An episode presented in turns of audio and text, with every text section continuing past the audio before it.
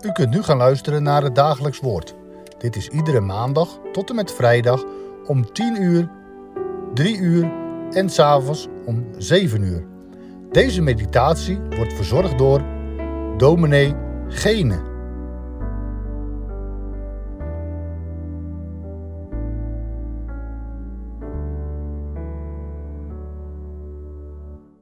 Goedendag luisteraar naar het dagelijks woord. Willen in het nieuwe jaar nog verder luisteren naar de Bijbel als het gaat over de belofte.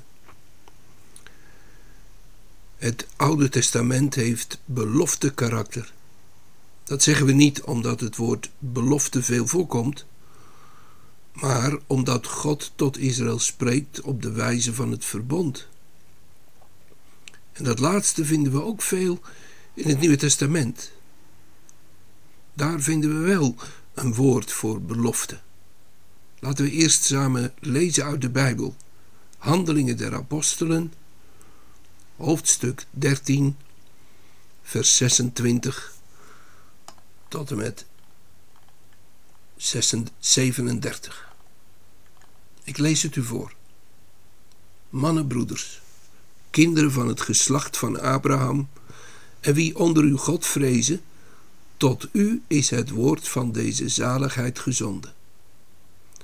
Want de inwoners van Jeruzalem en hun leiders, die hem niet kenden, hebben door hem te veroordelen de uitspraken van de profeten vervuld, die iedere sabbat voorgelezen worden. En hoewel ze geen reden voor zijn dood vonden, vroegen zij Pilatus hem te laten doden.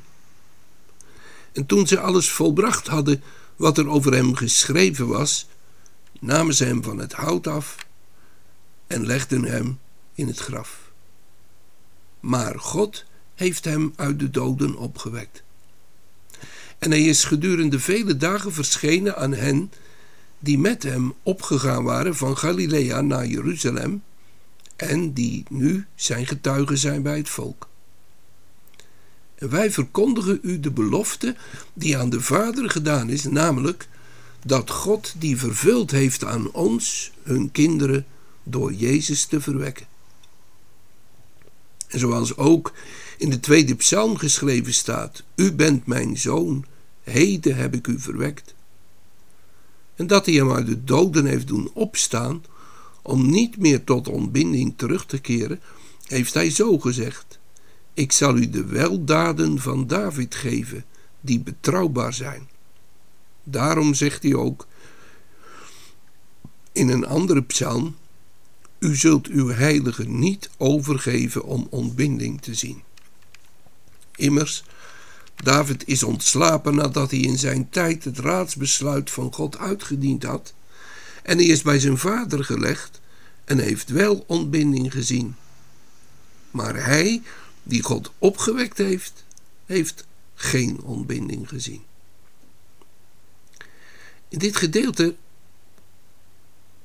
lezen we dat de apostel Paulus in de synagoge van Antiochië het woord kreeg om een woord van bemoediging tot het volk te spreken. Hij verhaalt dan enkele hoofdmomenten uit de geschiedenis van Israël tot op koning David en vervolgt dan met de komst van Jezus de zaligmaker. Dan zegt Paulus: Uit Davids nageslacht heeft God voor Israël volgens de belofte de zaligmaker Jezus doen voortkomen.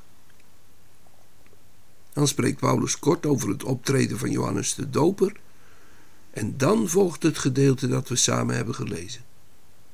Het woord van de zaligheid is tot u gezonden.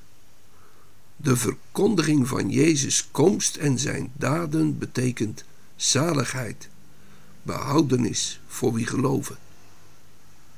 Dat legt hij dan vervolgens uit aan de hand van de weg van Jezus, van kruis en opstanding. En dan volgt dat woord waar we nu kort bij stilstaan, vers 32. En wij verkondigen u de belofte die aan de Vader gedaan is, namelijk dat God die vervuld heeft aan ons, hun kinderen, door Jezus te verwekken. Hier staat in het Grieks: Wij evangeliseren u het evangelie. Het woordje evangelie betekent toezegging of het doen van een belofte. U hoort wel dat het gelijkluidend bijna klinkt aan evangelie. En in het Nieuwe Testament gaat het dan doorgaans bij dat woordje evangelie niet om het toezeggen, maar om wat er wordt toegezegd. En over de inhoud van de toezegging spreekt Paulus hier tot de mensen in de synagoge van Antiochië. God heeft de belofte aan de vaderen gegeven, aan de kinderen vervuld in de komst van Jezus. Dat is evangelie. Belofte en evangelie hangen dus heel nauw met elkaar samen. Het Nieuwe Testament is goed nieuws, blijde boodschap, maar brengt ten diepste niet iets nieuws. God had tegen Israël gezegd: Ik ben de Heere, jullie God. De belofte, God zal ik voor jullie zijn. En die is nu volkomen in de zoon. Professor de Reuver schreef: Al het verborgene legt de belofte nu af. En in 2 Korinthe 1, vers 20 lezen we: Alle beloften zijn in Christus ja en amen. En Calvijn legt dat uit. De som van alle beloften is dat wij kinderen Gods zullen zijn. En verder schrijft Calvijn om ons dit uit te leggen: wij zullen het beste verstaan hoe de beloften in Christus ja en amen werden, als we ons de vrucht van zijn dood en opstanding voor ogen stellen. Een andere vervulling zullen ze niet hebben. We verstaan, zegt hij dus, de belofte van Christus, die in Christus ja en amen werden, het best als we ons de vrucht van zijn dood en opstanding voor ogen stellen. Namelijk de verzoening, de vergeving van de zonde en het nieuwe leven, de wederopstanding door de wedergeboorte en het leven met God. Een andere vervulling zullen die beloften niet hebben.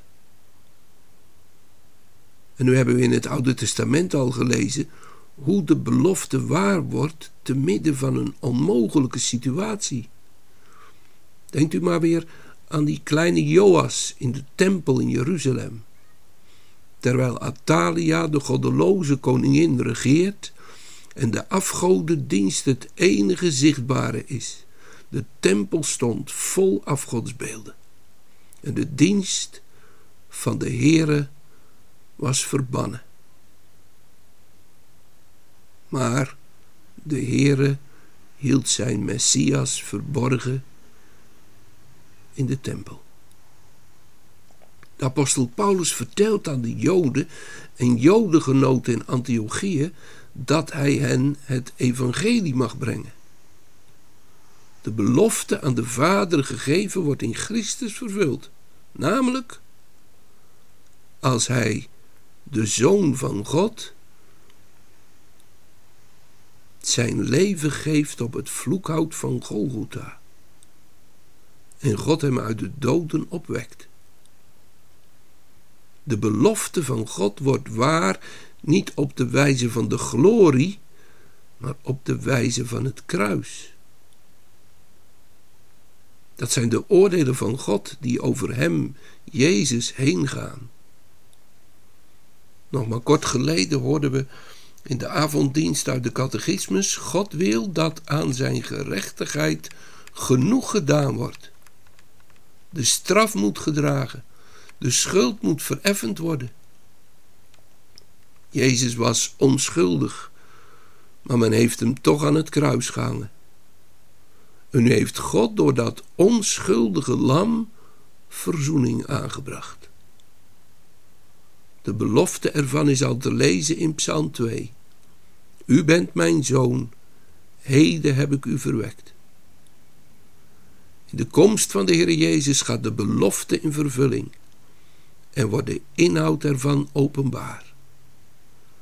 Begrijpt u nu wel dat er gezegd wordt: het heil draagt belofte karakter? Altijd weer moeten we ons houden aan de belofte van God. Daar moet het geloof zich op richten. De catechismus leert: wat is dan een christen nodig te geloven? Al wat ons in het evangelie beloofd wordt. Dat ons de artikelen van ons algemeen en ongetwijfeld christelijk geloof in een hoofdsom leren. Ook in 2024 is dat het devies, de zaak waarom het draait voor de gemeente van Christus.